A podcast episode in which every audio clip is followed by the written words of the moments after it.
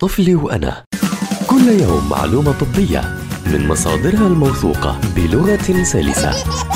طفلي وأنا عبر أجيال مع أخصائية الأطفال وحديثي الولادة سما برغوثي.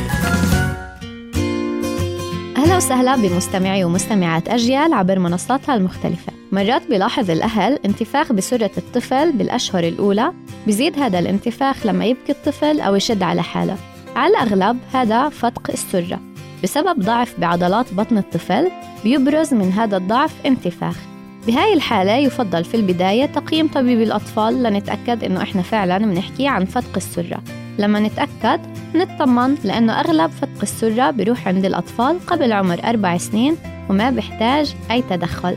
ما بصير نلفه بمشد أو نلف عليه قطعة معدنية أو نعمل أي شيء. حتى لما نسكر الحفاضة يفضل إنه ما نسكرها عليه نتنيها ونبعدها عنه. إذا ضل الفتق عند الطفل بعد عمر الأربع سنوات وهي حالات نادرة يفضل إنه نراجع جراح أطفال لأنه ممكن نلجأ لعملية صغيرة حتى نسكره. استنوني بحلقة جديدة من طفلي وأنا حتى نحكي عن مواضيع بتتعلق بصحة الطفل.